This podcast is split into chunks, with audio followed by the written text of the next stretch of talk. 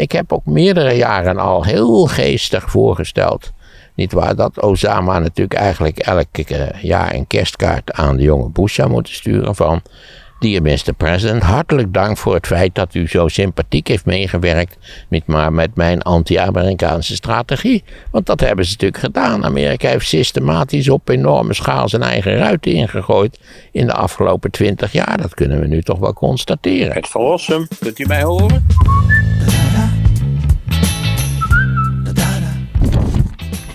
die dingetjes staan ook aan. Ik had een, ehm, een berichtje gekregen van iemand. Ik dacht, moet jij maar even kijken of je dat leuk vindt om maar mee te doen. Mijn, mijn score Oh, jouw, is jouw snoer doet, is- die zit hier klem. Wacht. Maar, je hebt, wacht, ik zeg, geef je even wat meer draad. Zo. Zo, als je nu trekt, heb je meer draad, denk ik. Ja, nu heb ik meer draad. Moet ja, nu heb ik meer draad. Super. Even kijken wat we... Oh ja, Lin Wigger. Ik dacht, doe dat meteen aan het begin, anders vergeet ik dat ook weer. Ze zegt, eh, mijn huisgenoot Sam Bus, die, wordt, eh, die houdt zijn 21 diner. Hij is een onwijze fan van De Slimste Mens en een bewonderaar van Maarten van Rossum. Zou Maarten van Rossum hem willen feliciteren in de podcast? Oh, nou dan moeten we hem feliciteren in de podcast. Dan moet je me wel aan helpen herinneren dan. Nee, maar of je het nu al wil doen. En dan En nu al, en hoe Ja. heet die? Sam Bus heet hij. En of je het dan... Die moet gefeliciteerd worden. Ja, Sam Bus is dus een student en Lin Wigger is dus een huisgenoot, denk ik. Ja. Ja. En die, eh, die luisteren dus ook schijnbaar. Ik zeg, dan moet je wel ook iedereen... En het is zijn 21ste verjaardag. Ja, en dan hebben ze een 21 diner. Oh, ik wist niet dat dat bestond. Dat is mij volledig onthouden, een 21 diner. Ja, mij ook. Maar misschien kunnen ze een 78 diner voorbij organiseren in dan. oktober, hè? In oktober, vanzelfsprekend, want dan ben ik jarig. Ik wil eh, Sam Bus gaarne feliciteren met zijn 21ste Moet je verjaardag. even in de kamertje doen. Dan kan, Oh, ik moet in de Ja. camera kijken, oké. Sam Bus, wel gefeliciteerd met je 21ste verjaardag. Het is wel een soort van belangrijk jaartal. Al, al is het in Nederland in feite 18, dan word je volwassen, mag je stemmen en allerlei andere onverstandige dingen gaan doen in Nederland. Maar toch wel gefeliciteerd. Blijf luisteren, zou ik zeggen. Naar de stem van de redelijkheid. ja, dat is mooi gezegd. En wens je hem nog iets toe wat hij dit jaar absoluut moet gaan doen? Eh, wat je dit jaar, ik heb geen idee. Ik begrijp dat je studeert. En ik hoop dat je datgene studeert wat je zelf het allerleukste vindt. En dat je niet bezig bent met een studie waarvan je met enige regelmaat denkt: God allemachtig nog aan toe. Moet ik de rest van mijn leven aan dit onbeschrijfelijke gezeik besteden? Of, als je dat denkt, kies een andere studie. Oké, nou, hartstikke mooi. Dan hebben we dat gehad, meteen maar al. Hey, we hadden 1 of 8 oktober kunnen we naar eh, de fabriek. Ja, dat zag ik. Ik heb nog niet. Of heb ik al wel geantwoord? Ik kan, eh, beide dagen zijn voor mij problematisch. Oké, dan zal ik terugsturen dat we niet kunnen. Dat ze iets nieuws moeten bedenken. Ja, dat is, dat is toch beter, denk ik. Want Ja. ik heb die ene avond heb ik een theatervoorstelling. En ja, dan moet ik dus eerst naar die, naar die Lightyear. En dan moet Nee, ik alsnog, ik geloof die theatervoorstelling is ook wel zo'n plek van... Nou ja, noemen ze wat op, Hogeveen of zo. En dat wordt dan wel erg veel gerij en gedoe op zo'n dag voor een bejaarde. Nee, dat moeten we niet doen. En had ik van Tessa, Tessa van Tivoli Vredenburg, van de Hertzzaal. Ja. Zij had 5 januari had zij doorgegeven als datum. Dus, dus dat is een podcast waar mensen dus kunnen, live kunnen luisteren naar de podcast. Was dat? Oh, wij zitten dan op het toneel te podcasten, begrijp ik. Ja. Oh, wat is eigenlijk het werkwoord in verband met podcasten? dat, dat? Wij zaten te podcasten en toen hebben ze hebben een eind aan het podcasten gemaakt en nou zoiets dergelijks. dat denk ik dat het is, ja. Oké, nou ja, joh, dat lijkt me een hele unieke ervaring, als die hele zaal dus vol met mensen zit. Ja, en dan zitten ze Die dus... gaan natuurlijk elkaar op de bek slaan wie de vraag mag stellen. Ja, ja ik doe ook wel eens, dat heel bij de theatervoorstelling. Zeg ik dan van, nou ja, wat dacht u ervan als u zelf een keuze maakt ten aanzien van het onderwerp? En dan stel ik twee onderwerpen voor, dat is het simpelste natuurlijk. Nou ja, en dan zeg ik, oké, praat er heel even over en dan vraag ik stemming. Nou, ontstaat direct rumoer in de zaal. En dan gaan ze, nee, nee, nee, dat willen we niet. Ja, ja. Nou ja, en dan zeg ik altijd, kijk, hè, daarvoor hebben we nou een democratie georganiseerd, zodat uw oneenigheid niet leidt tot bloedgieten, bloedvergieten, maar zodat wij een regulier proces kunnen organiseren, wat tenslotte leidt tot een meerderheidsbesluit. Nou, daar kijken ze al enorm van op. Ja. Ja, we moeten even kijken hoe dat gaat. Maar wij zitten eigenlijk gewoon te praten. en Mensen zitten dan te luisteren. Dat is een beetje hoe we dat gaan doen. Oh, oké. Wat waarschijnlijk toch weer heel anders is dan wanneer je hier in die auto zit natuurlijk. Ja, dat denk ik ook wel. Ja, Maar goed, ik zal eventjes aan... eh, geeft een andere dynamiek ik natuurlijk. zal 5 januari ook eventjes aan je doorsturen. Ja, dat moet je wel doen. Het zou natuurlijk kunnen, want ik heb een hoop van die theatervoorstellingen al in december, Ja, januari. Nee, dat klopt. Daar had ze al rekening mee gehouden. Ze Oh, hadden al gekeken wanneer je niet kon. Maar dit is dus nog niet de definitieve datum. Dit is dus nog een conceptdatum. Hè? Even kijken. Ik heb trouwens tot 4 uur. Dan moet ik iets met beter horen doen. Dan moet ik Oh, iemand bellen beter horen. Uitstekend. En we moeten misschien, want je gaat weer op vakantie. Hè? Dus we moeten op reis. Dus we moeten weer wat voorwerken. Ja, ik ben een paar dagen in Duitsland, maar dat maakt volgens mij niet zo heel veel uit hoor. Oh, dat is, het niet, dat is niet zo lang. Nee, het is vijf dagen in totaal. Even kijken. Wat een herrie in de buurt zeg. Wat- ja, wat dat komt dat de school uitgaat die hier Ja. om de hoek is. Ja. Even kijken. Eh, de laatste, we hebben eh, voor de mensen die nu... eh, we hebben deze week een special van 9-11. Ehm, die vind je in je podcast app. Dus even terugscrollen. Dan zie je de extra afleveringen die we deze week hebben gemaakt. De special van 9-11. En ook een speciale aflevering over het populisme. Ehm, hoe hebben die ook alweer genoemd? Bang heet die. Ja, dus dat is aflevering 65. Ehm, kun je even terug scrollen. En dan kun je die, als je die gemist hebt deze week door drukte of zo... kun je die nog een keer beluisteren. Ah, oké, oké. Dus mensen die dat Ja, gemist ik hebben... zag op, overal zag ik ook weer wat ik er wel en wat ik er niet over gezegd zou hebben. Waar ook weer uit een totaal onbegrip uitsprak. Nou, ook heel veel mensen die zeiden top. Van Rossum had het helemaal goed gezien. Ja, dat wel, maar dan moet je. Want ik heb iets heel. Ik heb nooit gezegd dat het niet belangrijk was. Het was natuurlijk een enorme slag. Het was vrij Dat spectaculair. heb je in die special ook gezegd. Het gaat erom dat het geen oorlog was, maar dat het een terroristische aanslag was. En dat als je er een oorlog in ziet. En ook vervolgens oorlog gaat maken. Wat de Amerikanen met hun ongelofelijke stomme rotkop hebben gedaan. Bovendien onder valse voorwendsels.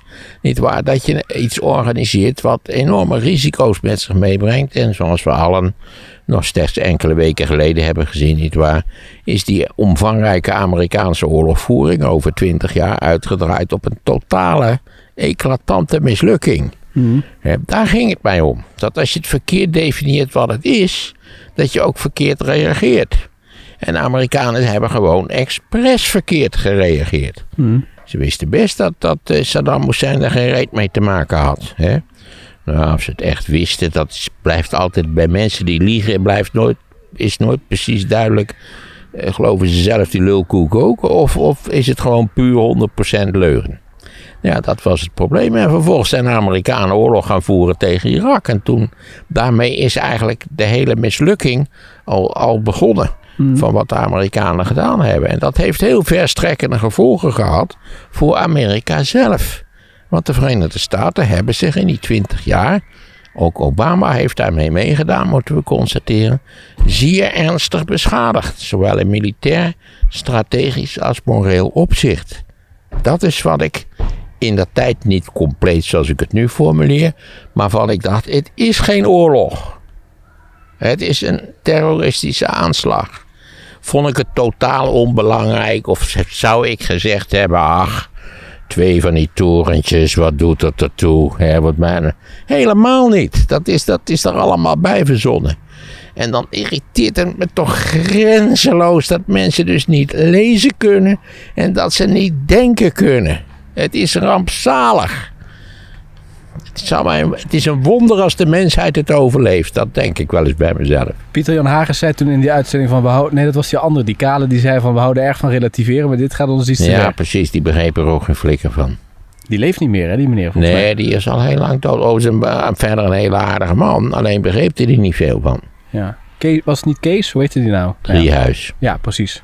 En Pieter Jan Hagen zat daarnaast. Ja. ja, met Pieter Jan heb ik het later goed gemaakt. Wat hebben jullie gedaan dan? Er is even over gepraat. En Oh, oké. ik heb hem gewezen op de onvermijdelijkheid van mijn gelijk. Dat begrijp je. Ik zag ook nog een fragmentje van Knevel en Van der Brink... waar je vijf jaar na datum of tien jaar na datum zat. Toen werd dat ook weer allemaal een keer teruggehaald. Ja, het is eindeloos doorgegaan uiteindelijk. Ja, en nu, nu niet. Ik heb je nu nergens. Nu word je over Nee, ik ben ook vanmorgen helemaal nergens uitgenodigd. Ik ben ervan overtuigd dat ze een hele reeks van personen zullen uitnodigen die het in de tijd totaal bij het verkeerde eind hadden. Want laten we dat even zeggen, dat is het mooie en het ellendige van de media. Het geheugen van de media is praktisch nul. Dus ook als je het volkomen fout hebt, jaren achter elkaar, je begrijpt er geen kloot van, dat maakt voor de media niks uit. Ben je eenmaal geverfd als deskundige, dan kun je altijd ongelijk hebben, maar no problem, volgende week zijn we het vergeten. Ja. Maar je bent nu wel Je hoeft namelijk geen gelijk te hebben.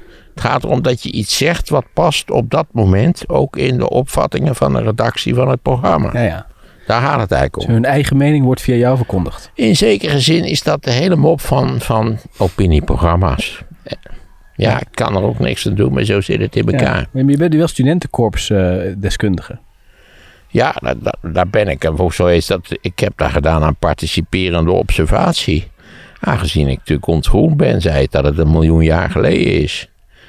En ik heb uitgelegd hoe dat gaat en dat ik principieel tegenstander ben van groentijden. In de vorm waarin ze met name, want dat is het enige waar ik verstand van heb, bij de corpora voorkomen. Dat is namelijk zuipen, schreeuwen en, en proberen mensen te, te treiteren en kleiner te maken. En misbruik te maken van je macht als ouderejaarsstudent. Ja. En, en elke keer gebeuren er dan, hè, nu was er alweer een drama natuurlijk bij het Amsterdam Studentenkoor. Want overigens in de tijd, in het jaar dat ik werd eh, ontgroend, eh, hadden, hadden ze daar daghoutjes spelen. Ik bedoel, ik noem maar.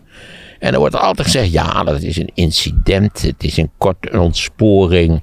Dat gaat niet meer gebeuren, we gaan het nu helemaal anders. Het is nooit wezenlijk veranderd. Het is elk, nou zeg maar eens elk jaar, elke twee jaar hebben we weer zo'n drama. Ja. Hey. Je moet mensen niet eh, dwingen tot de slaapdeprivatie. En je moet mensen niet dwingen om te vechten of te sjorren of hoe ze het willen noemen. En je moet mensen niet dwingen tot alcoholgebruik. Begin eens met alle alcoholgebruik op te schorten tijdens de groentijd. Ook dus voor de ouderejaars. Jaap van Dijk heeft gemaild, want eh, bij de 9-11 special zei jij van heeft u nog vragen, meld u dan. Eh, Jaap van Dijk heeft dat gedaan. Die zegt ik ben wel benieuwd. Ehm, hij zegt dat ontbreekt ook een beetje in alle analyses hoe de aanloop tot de specifieke gebeurtenis eruit zag. Dus hoe Bin Laden zijn Al-Qaeda heeft georganiseerd tot daar waar het stond op het moment van de aanslagen en dergelijke. Ongetwijfeld een onderwerp waar Maarten een podcastaflevering van kan maken.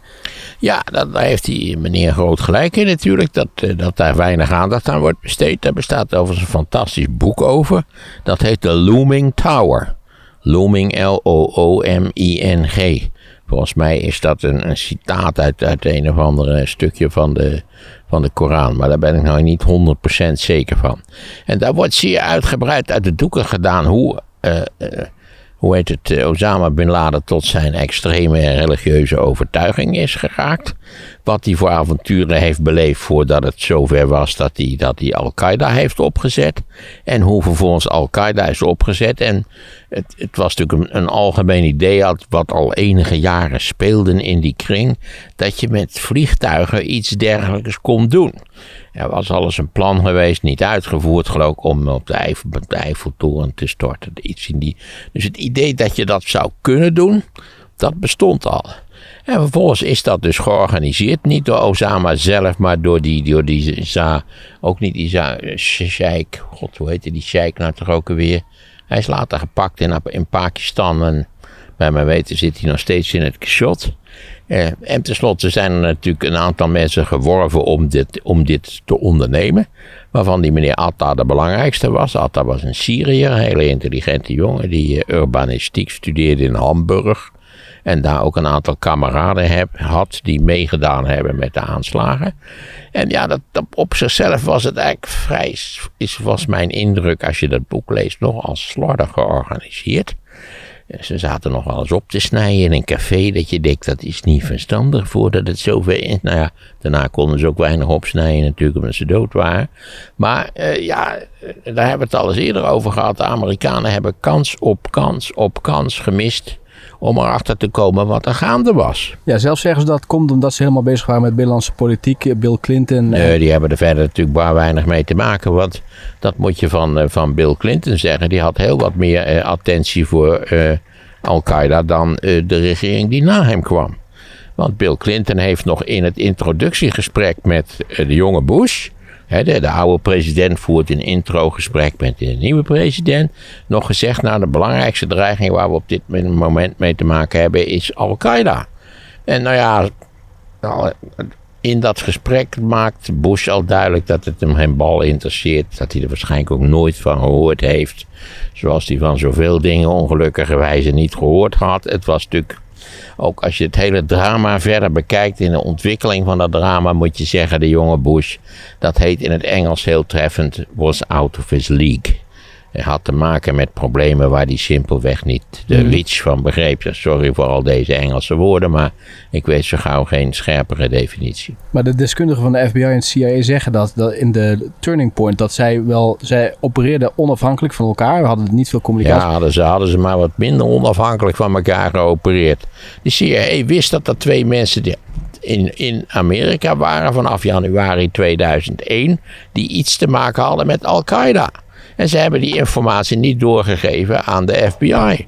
Eh, De CIA is bij wet verboden te opereren in de Verenigde Staten. Wat sowieso al verwonderlijk is, want daar houden ze zich meestal niet aan.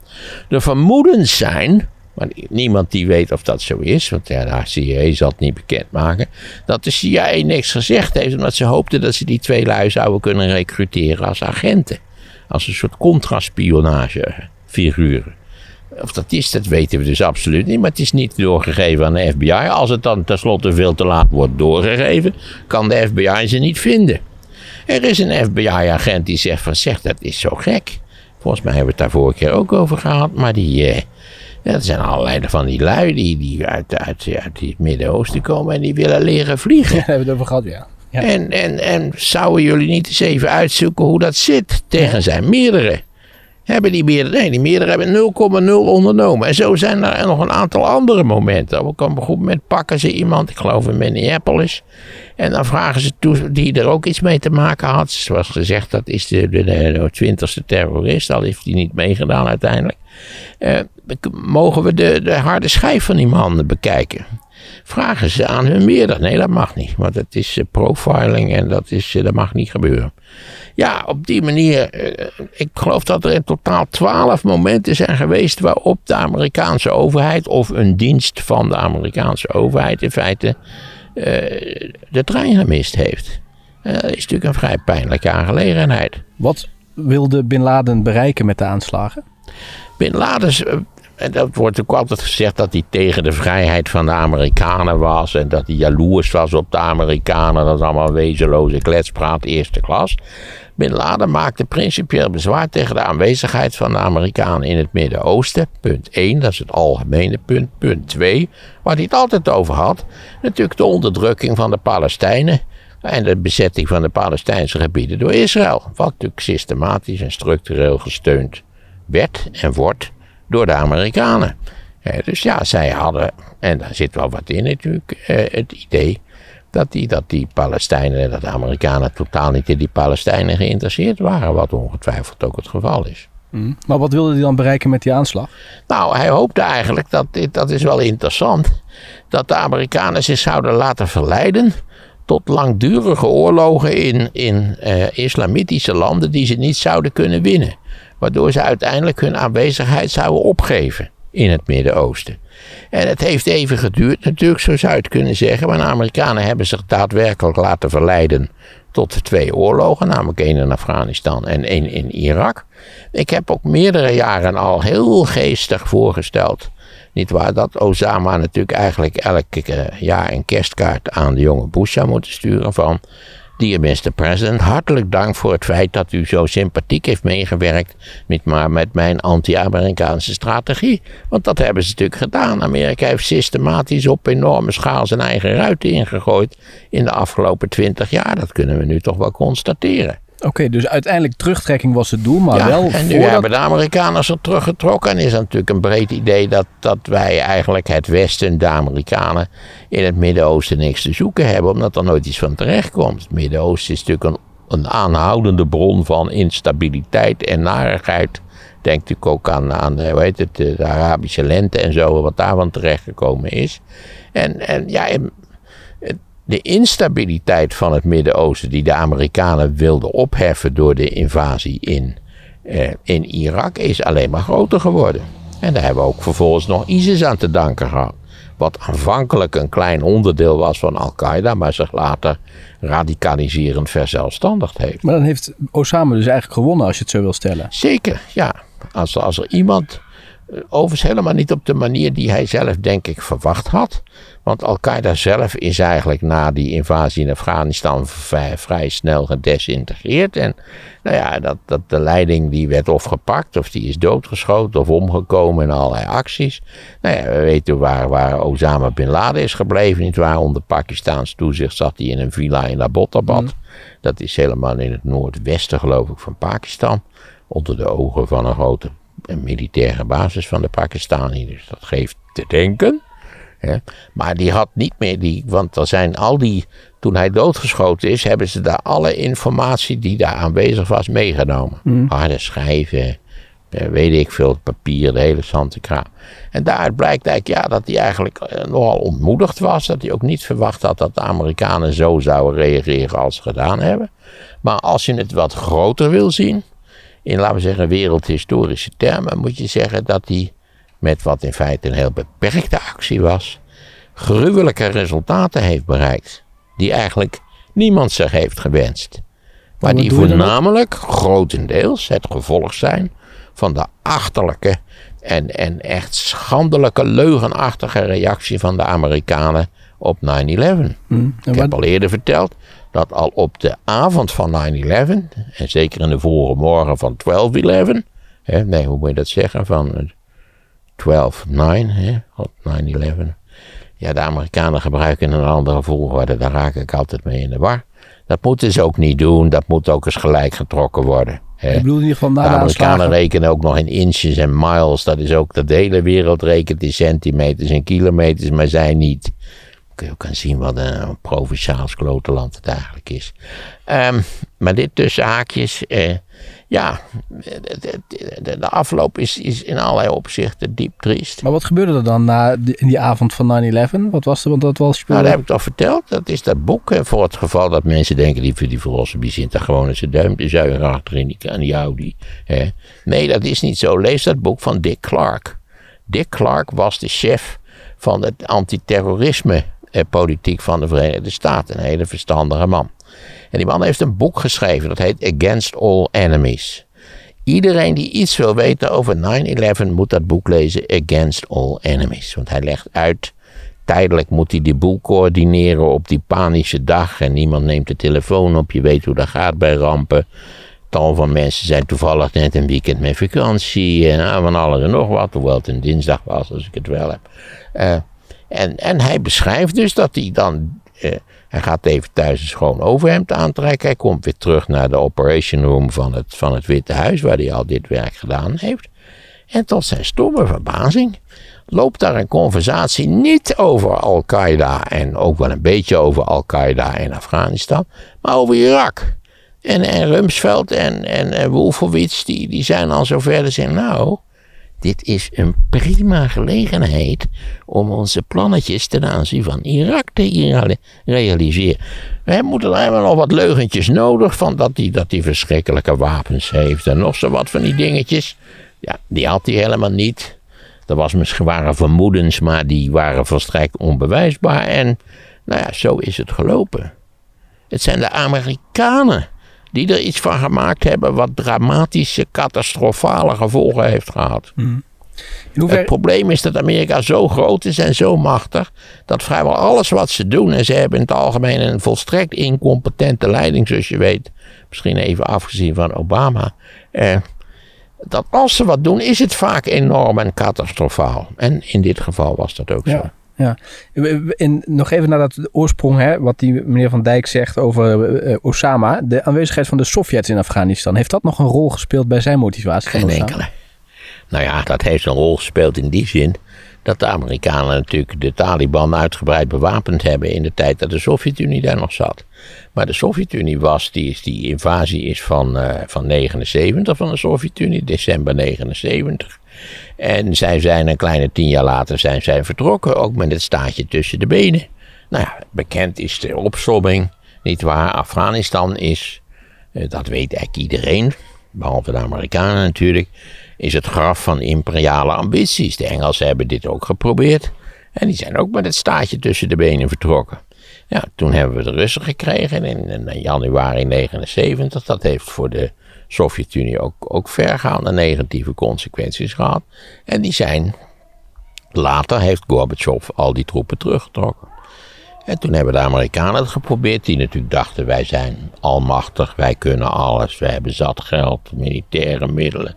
Natuurlijk heeft die Sovjet-Unie het er niet goed van afgebracht, dat zijn bekende prutsers. Eh, wij gaan dat beter doen en nou ja, wij weten nu sinds een paar weken hoe dat is afgelopen. Ja, Sovjets hadden ook alles achtergelaten, hè? Qua ja, die hebben ook enorm veel materiaal achtergelaten. Overigens is het bewapenen van de vijand is een van de, van de specialiteiten van de Amerikanen.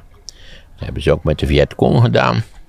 Ja, daar kunnen we nog niet alle details van op gaan rakelen, maar het kwam erop neer dat ze voor een niet onbelangrijk gedeelte ook de Vietcong bewapend hebben. Al was de Vietcong over een aantal Amerikaanse wapens helemaal niet tevreden. Vonden ze heel matig materiaal. Zoals?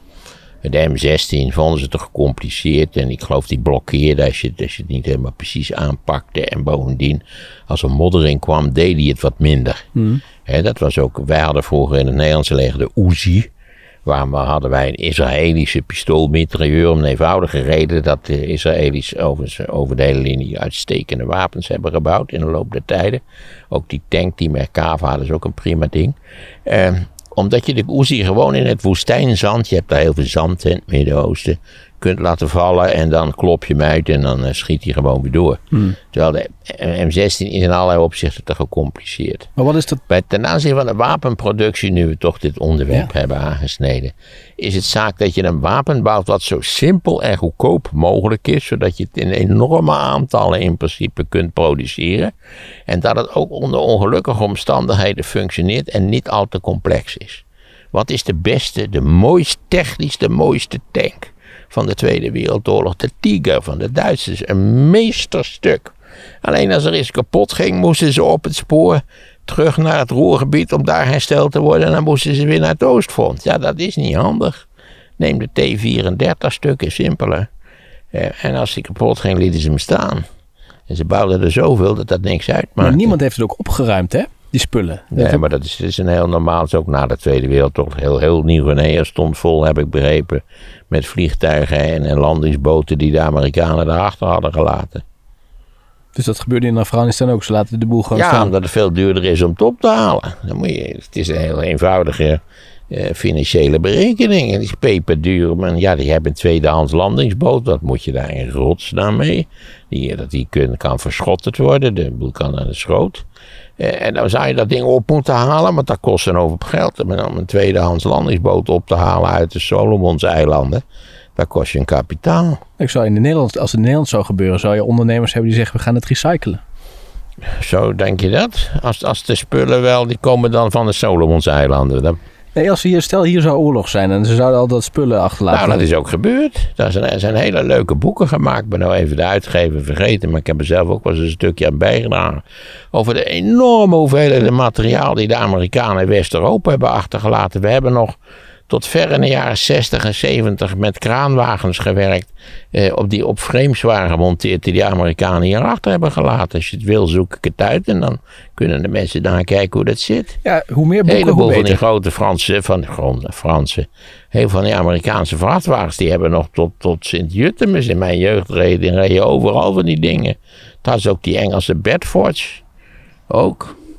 Boeken wordt altijd gewaardeerd. Lees eens iets is ook al een uitspraak ergens op de sociale media. De Looming Tower. Als Ja. je iets wil weten over, eh, ja. hoe heet het? Ik had nog een leuk beeldje ook. Het gaat ook over 9-11. eh, van Vera Hoogmoed. Die is nu 28. En die zei: eh, U heeft, eh de rechts aan jou, 20 jaar geleden een onuitwisbare indruk op mij gemaakt. Onder andere door in ieder geval het optreden in het jeugdjournaal toen. Ja, dat was ook wat. Daar heb ik ook enorm veel op mijn lazen gekregen. Wat gebeurde er daar? Ik wou uitleggen hoe simpel het is om zo'n aanslag te organiseren. NOS Jeugdjournaal. In de studio is Amerika-deskundige Maarten van Rossum. Meneer van Rossum, goedenavond. Ehm, wie, wie kan er achter zo'n aanslag zitten? Nou, de speculatie is dat het Palestijnen zijn, een of andere Palestijnse organisatie die uh, in feite hiermee uh, ook probeert duidelijk te maken dat de Verenigde Staten achter Israël staan. Althans, dat nemen we aan, want we hebben bij mijn weten is nog door niemand officieel geclaimd. Niemand heeft gezegd dat, dat zij dat heeft gedaan. Ja, dat zij dat gedaan hebben. Ja. Waarom denkt u meteen aan, aan, aan het Midden-Oosten, aan de Palestijnen? Heeft Amerika veel vijanden? Amerika heeft natuurlijk sowieso een hoop vijanden. Amerika is het machtigste land van de wereld. En wie het machtigste van de wereld is, heeft al, altijd relatief veel vijanden. Veel vrienden, maar ook veel mhm. vijanden natuurlijk. En ja, waarom denk je aan het Midden-Oosten? Uh, uh, omdat natuurlijk daar zelfmoordaanslagen daar uh, zeer regelmatig plaatsvinden. Dit zijn ook zelfmoordaanslagen. Waarom is het zo spectaculair? Waarom kon dit gebeuren? Omdat degenen die de aanslag plegen, daarbij om het leven komen. Ja. En, en daarmee niet zitten. Nee. Er zijn er eh, meerdere aanslagen tegelijkertijd. We zien die twee vliegtuigen in New York. Uh, in Washington gebeurt er ook nog het een en ander. Um, het lijkt allemaal heel erg goed voorbereid, hè? Nou ja, zo verschrikkelijk veel mensen hebben je daar natuurlijk niet voor nodig. Laten we nou, laten we nou eens aannemen twee uh, zelfmoordenaars per vliegtuig. Je moet dat vliegtuig kapen, dat is waarschijnlijk in je eentje, is dat te veel risico, dus dat doe je met z'n tweeën. Dan ben je in principe, als het goed coördineert, uh, ben je met een man of tien, ben je, uit de, ben je in dit geval wou ik zeggen uit de brand, maar ben je dus in de brand. Je hoeft er niet zo verschrikkelijk veel voor te doen. Dat het, het wonderlijke is dat natuurlijk de middelen zo beperkt zijn, dat de effecten zo enorm zijn. Dus ik zei, nou ja, ik, heb, ik was vrij kort daarvoor, was ik op 16 vanaf 16 over naar Londen gevlogen. Nou, daar waren helemaal geen veiligheidsmaatregelen voor zover ik me kan herinneren. Je wandelde uit een soort lege hal, wandelde je dus het vliegveld op en dan ging je een trappetje op en dan ging je in zo'n ding toesten. Dat was toen nog zo'n Fokker Friendship, weet je wel. Ontzettend lawaaiige hoogdekkers. Um, maar verder een rustig toestel. En, en daar stapte hij in. Ik zei, nou kijk, dat doe je nu weer. Alleen uh, bedreig je de, de, piloot en de co-piloot. Zeg, ga weg, anders steek ik je bij een broodmes. En dan, steek je, en dan stijg je op met dat ding. En die lui zijn zo verbaasd, die zijn natuurlijk, die sluit je buiten. En dan stijg je op met dat ding en dan vlieg je in die glazen toren die naast het station staat, weet je wel. Ik ben nou vergeten, is het niet van een bank of zo, of van een verzekeringsmaatschappij? Hij was toen net klaar in Rotterdam. Oh, van, en, dus je stijgt op van 16 over, je draait een cirkeltje en je knalt dat ding. En gewoon met de snelheid van een kilometer of 300, 400 eh, knal je dat ding in die glazen toren. Ja. Dus ik zei, dat is sample comme bonjour. Nou, jongen, dat, dat, schijnt, dat schijnt dat honderdduizenden kinderen de slaap niet hebben kunnen vatten bij dit verschrikkelijke idee. Een onuitwisbare indruk, zegt die mevrouw. Ik dacht, het is handig dat ik even laat zien hoe simpel het is. Ja.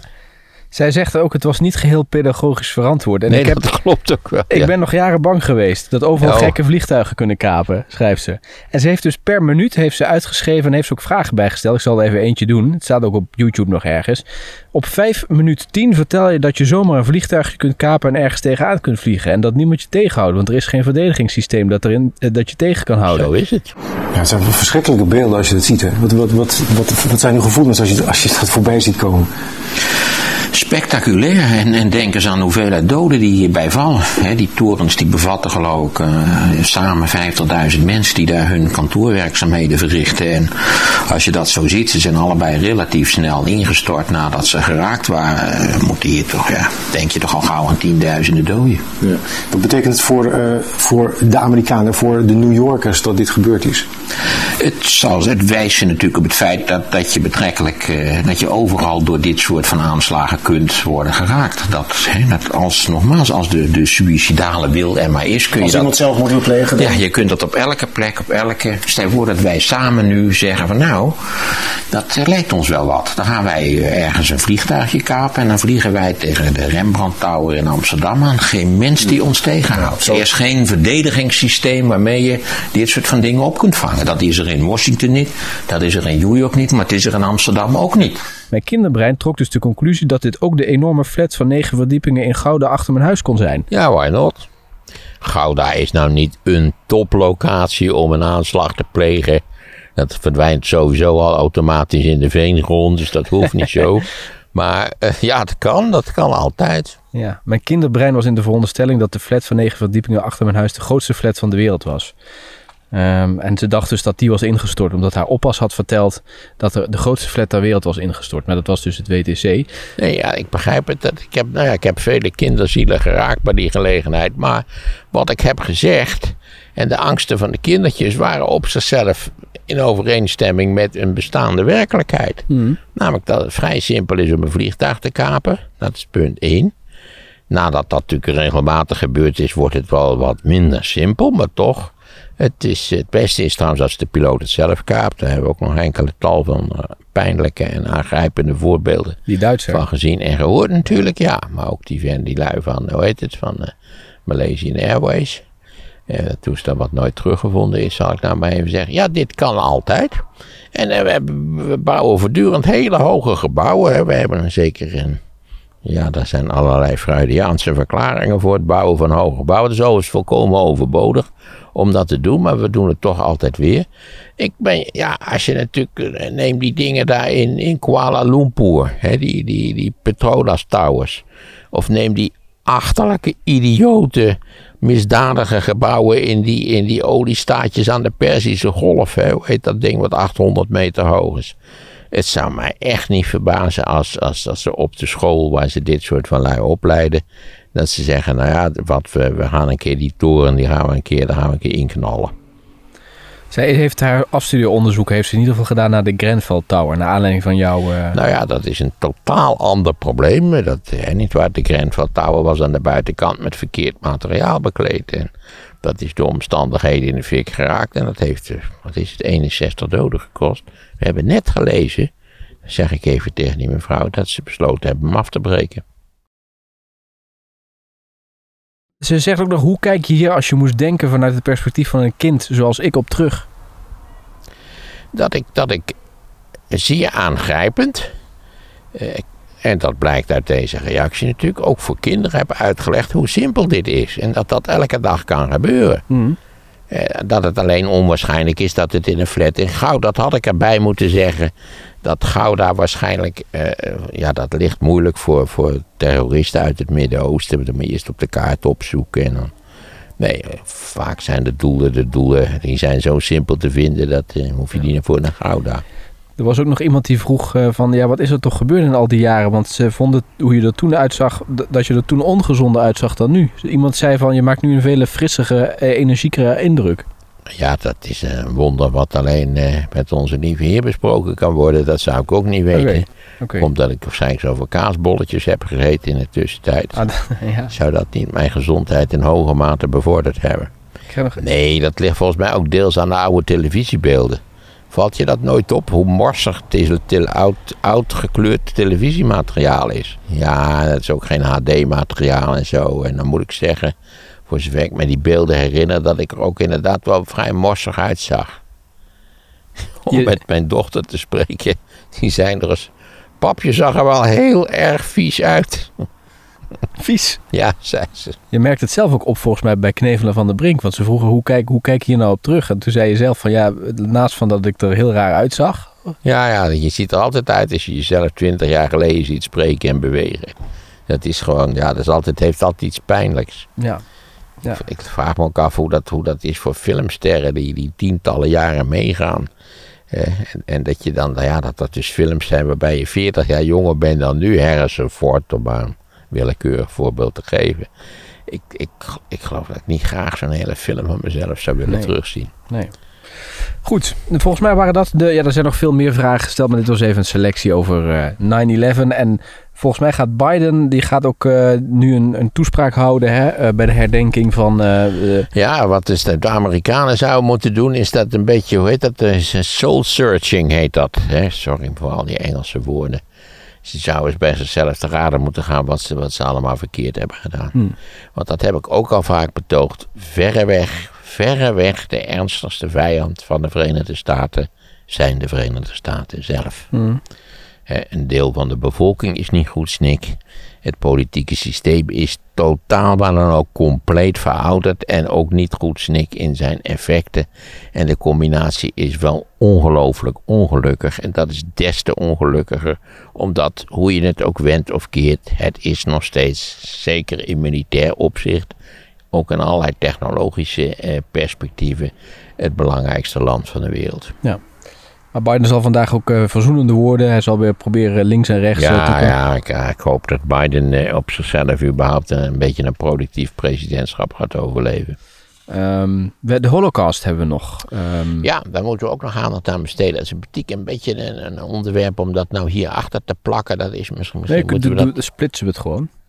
Ja, maar nee, laten we, laten we de holocaust dan nog één keer uitstellen. Oké. Zodat we er een beetje, beetje gewicht aan kunnen geven. Ik heb nog even een paar vragen. In Texas, eh, daar hebben ze de abortuswetgeving Ja. aangescherpt. Ja, en op wat voor manier zeg. Dan zeg je toch ook weer, wat een godvergeten kutland, sorry, is het toch geworden, echt. Met die verklikkerij en de boete en ah, echt, ze zijn echt knettergek. Gelukkig kun je de grens over doen. Ja, je moet wel even wat voldoende geld hebben om je te laten aborteren in Massachusetts, maar goed, daar kan het. En Wietske Seidsma die zegt, is het nou echt een religieuze overtuiging of is het puur de democraten pesten? Nou, dat laatste speelt natuurlijk een hele belangrijke rol.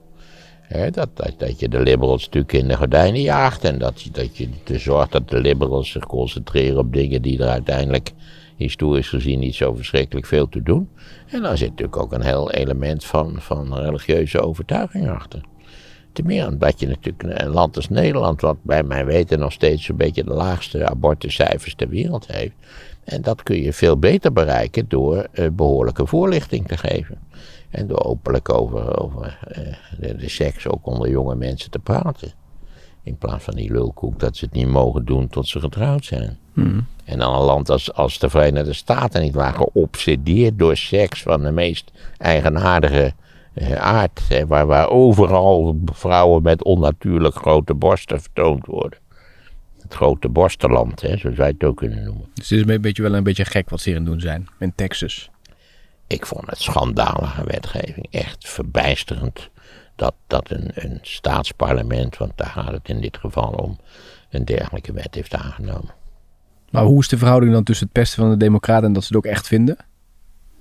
Geen idee. Dat zal van persoon tot persoon zal dat verschillen. Oké.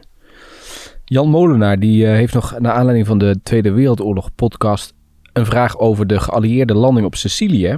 Ja. En de daaropvolgende verovering van eh, Italië en de invloed daarvan op het verdere verloop van de oorlog in ja, het Westen. een hele, hele interessante en relevante vraag. En hoe tragisch dit ook mogen klinken. De invloed daarvan op het uiteindelijke verloop eh, van de Tweede Wereldoorlog is eigenlijk verwaarloosbaar klein geweest. De Amerikanen waren er ook eigenlijk hoogst ongelukkig mee. Het was natuurlijk een ideetje van Churchill dat je dan de zachte onderbuik van, van Europa aan zou kunnen pakken. Ze waren natuurlijk bovendien in 42, 43 nog niet zo ver dat ze een massale landing in Normandië konden uitvoeren. Wat natuurlijk ook een Amerikaans idee was. En dus ze moesten iets te doen hebben, om het zo maar te zeggen. Dus dan landen ze eerst in Noord-Afrika en dan dus op Sicilië en dan ja, het, nuttigste wat daaruit voortgekomen is, het is een beetje raillerend bedoeld, is natuurlijk de film Patton. Die ik aan iedereen warm kan aan. Ik zei dat The Longest Day mijn favoriete oorlogsfilm was. Nou, Patton, die, die, dat staat wel naast elkaar. Ja. Maar Jan die zegt ook van, jij zit nou, er was weer een extra front ook voor de Ja, Duitsers. z- zeker. En bovendien hebben de Duitsers daar natuurlijk op, op de bekende, uiterst competente wijze gebruik gemaakt van de praktisch onbegrensde mogelijkheden van het Italiaanse terrein om een defensieve oorlog te voeren. Hè, vergeet niet dat het natuurlijk het Italiaanse schiereiland is door, doorsneden door de Apennijnen. Dat is een betrekkelijk onherbergzaam gebergte en die, dat is door de Duitsers fantastisch gebruikt. Ja. Want er zijn twee geallieerde landingen geweest natuurlijk. Eh, en beide landingen waren al risicovol en eh, zijn niet geweldig goed verlopen. En, Karton, die hele campagne in Zuid-Europa, dat had beter achterwege gelaten kunnen worden. Oké, dus dit is eigenlijk van weinig invloed geweest. Ja, strategisch gezien was het niet van grote invloed. Dan eens even kijken of we dan nog een vraag kunnen afspelen, die ook ingesproken is. Dat kan allemaal via WhatsApp. En dit is de vraag van, even kijken hoe die man heet, Bastiaan. Maar volgens mij stelt hij zichzelf ook voor. Dag Maarten en Tom, Bastiaan Veldman hier uit Hendrik de Ambacht. Ik luister met veel interesse naar de podcast, dank daarvoor. Eh, maar er is één ding wat me nog niet loslaat en dat is een vraag over het volgende. We moeten wel even terug weer naar het begin van de, van de oorlog. En dat is, wat is het bestaansrecht van Vichy Frankrijk? als Hitler die oorlog begint, een revenistische oorlog om Frankrijk te verslaan, en dat gaat zeer voorspoedig, waarom wordt dan de wapenstilstand geaccepteerd? En mag Frankrijk in een andere vorm weliswaar toch nog doorbestaan? Zou Maarten daar zijn licht eens op willen laten schijnen? Ik ben uh, heel benieuwd hoe hij daar naar kijkt. Ik, uh, ik hoor het graag. Einde bericht. Dag. Nou ja, dat is op zichzelf juist. Er waren natuurlijk twee Frankrijken. Nadat de Fransen hadden gecapituleerd en tot een deal met de Duitsers waren gekomen. Want laten we zeggen, het hele noorden en westen van het land werd door de Duitsers bezet. En daaronder zat een groot stuk, en dat was Vichy Frankrijk. Wat bestuurd werd uit Vichy, vandaar dat het Vichy Frankrijk heet. En uh, de baas van Vichy Frankrijk was Pétain, de meest, de meest bewonderde generaal uit de Eerste Wereldoorlog, die nou ja, de toestand in de Tweede Wereldoorlog hopeloos had ingezien. En die dus zei, nou, we moeten ons maar schikken in het onvermijdelijke. Ja, feit is natuurlijk dat, ja, dat Frankrijk op, een, op een uiterst vernederende wijze in, in no time verpletterend verslagen was door de Duitse Weermacht. Wat natuurlijk een, enorme impact heeft gehad.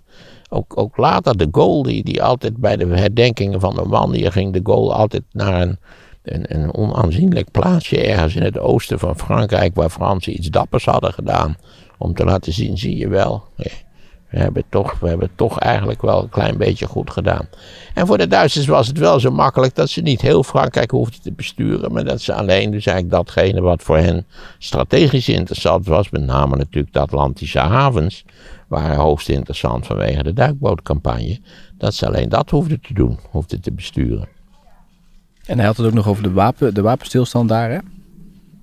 Ja, op het moment was het voor de Fransen wel duidelijk dat, je, dat wij er weinig zin had om door te vechten. Aangezien ze klop hadden gekregen. Ja. Kun je nog een hele tijd doorvechten, maar dat geeft allerlei weer slachtoffers die niet hadden hoeven vallen. Ja, en het is ook grappig in het uh, appgroepje op uh, Telegram zijn er twee mensen. Uh, dat is onder andere Gerrit Scherpenzeel, die heeft deze podcast genomineerd voor de Podcast Award. Oh, krijgen we daar nog iets in? Geen idee. Dat je een leuk boek krijgt of zo. Ik weet niet. Het is, uh, tot 15 september kun je stemmen. Dus dat is uh, nou, nog een paar dagen. En, oh nee, dan moet je, eerst, je moet eerst iemand nomineren. Dus allemaal podcast. En dan moeten mensen stemmen. Even kijken, er was nog een vraag van iemand. Um, nou ja, boek over 9-11. Dat wordt heel veel gevraagd. Um, nou ja, begin met die Clark en met die Looming Tower. Daar heb je al een aardig idee. Ja. Uh, Netflix wordt nog even aangeraden, onder andere door Guus Moerkamp. Die zegt, kijk uh, naar de docu op Netflix over 9-11 en de aanloop en wat er daarna kwam. Uh, Turning Point 9-11 heet die. Is een nieuwe docu. Oh. Mocht je nog, maar ja goed, je hebt het druk genoeg op hè? Netflix? Ja, zei dat? op Netflix staat die. Ja, dat zou ik eventueel naar kunnen kijken. Ja. hey, de handhaving is voorbij gereden. Oh shit, dan moet ik, dan moet ik weggaan. Moet ja. wegrijden. Ja, wanneer zullen we weer afspreken? Nou, volgende week ergens. Uh, ik ben maandag en dinsdag voor opnames weg naar Lelystad. Ja. Nou, ik ga weer rijden. Want, uh, Oké, ja, pas op, want voordat je het weet. Ja, maar dan moet eerst de scooter in... langskomen. Dan oh, ben ik alweer. Ik even vertellen. Uh, ik had mijn, op weg naar Texel had ik mijn dochter en kleinzoon ingeladen in vier minuten in, in een straat in Amsterdam. En verdomd, wij krijgen een bekeuring van 79 euro iets verschrikkelijks. In, omdat we en dat mag, vier minuten. Je mag heel even stoppen, inladen en weer wegrijden. En toen heeft mijn dochter, ik dacht natuurlijk het is volkomen hopeloos. Mijn dochter heeft geprotesteerd en wij kregen, zo schreef de gemeente Amsterdam, het voordeel van de twijfel, we hoeven niet te betalen. Oh, dat is fijn. Dus ik hoop dat jij ook niet het slachtoffer wordt. Nee, ik ga snel wegrijden nu. Maar er komt eerst nog zo iemand op zo'n scooter, hè? Die komt dat dan uh, zo'n boete uitdelen. Is dat zo? Volgens mij wel. Ik, ik help het voor je hopen, want okay. ik ben bang dat dit al uh, okay. calamiteuze gevolgen Nee, ze rijden twee keer voorbij. De eerste keer is voor de, voor de check en dan kijken ze, zo meteen komt hij nog een keer voorbij. in Amsterdam is niet gedaan, hè? Oh, oké. Okay. Nou goed. Ik, ik, moet even maar uit de... Ja, ja, doe rustig aan. Doe rustig aan. Hé, hey, dankjewel weer. Hey, dag. En uh, tot, ik stuur je wel even een berichtje. Ik stuur me even een mail. Ook over dat Klingendaal, wanneer we dat opnemen. Oh ja, dat moet je ook even laten weten. Mail ik wel eventjes, ja. Na één, hè? Ja, ja, ja, sowieso. Sowieso. Oké. Okay. Hoi, hoi.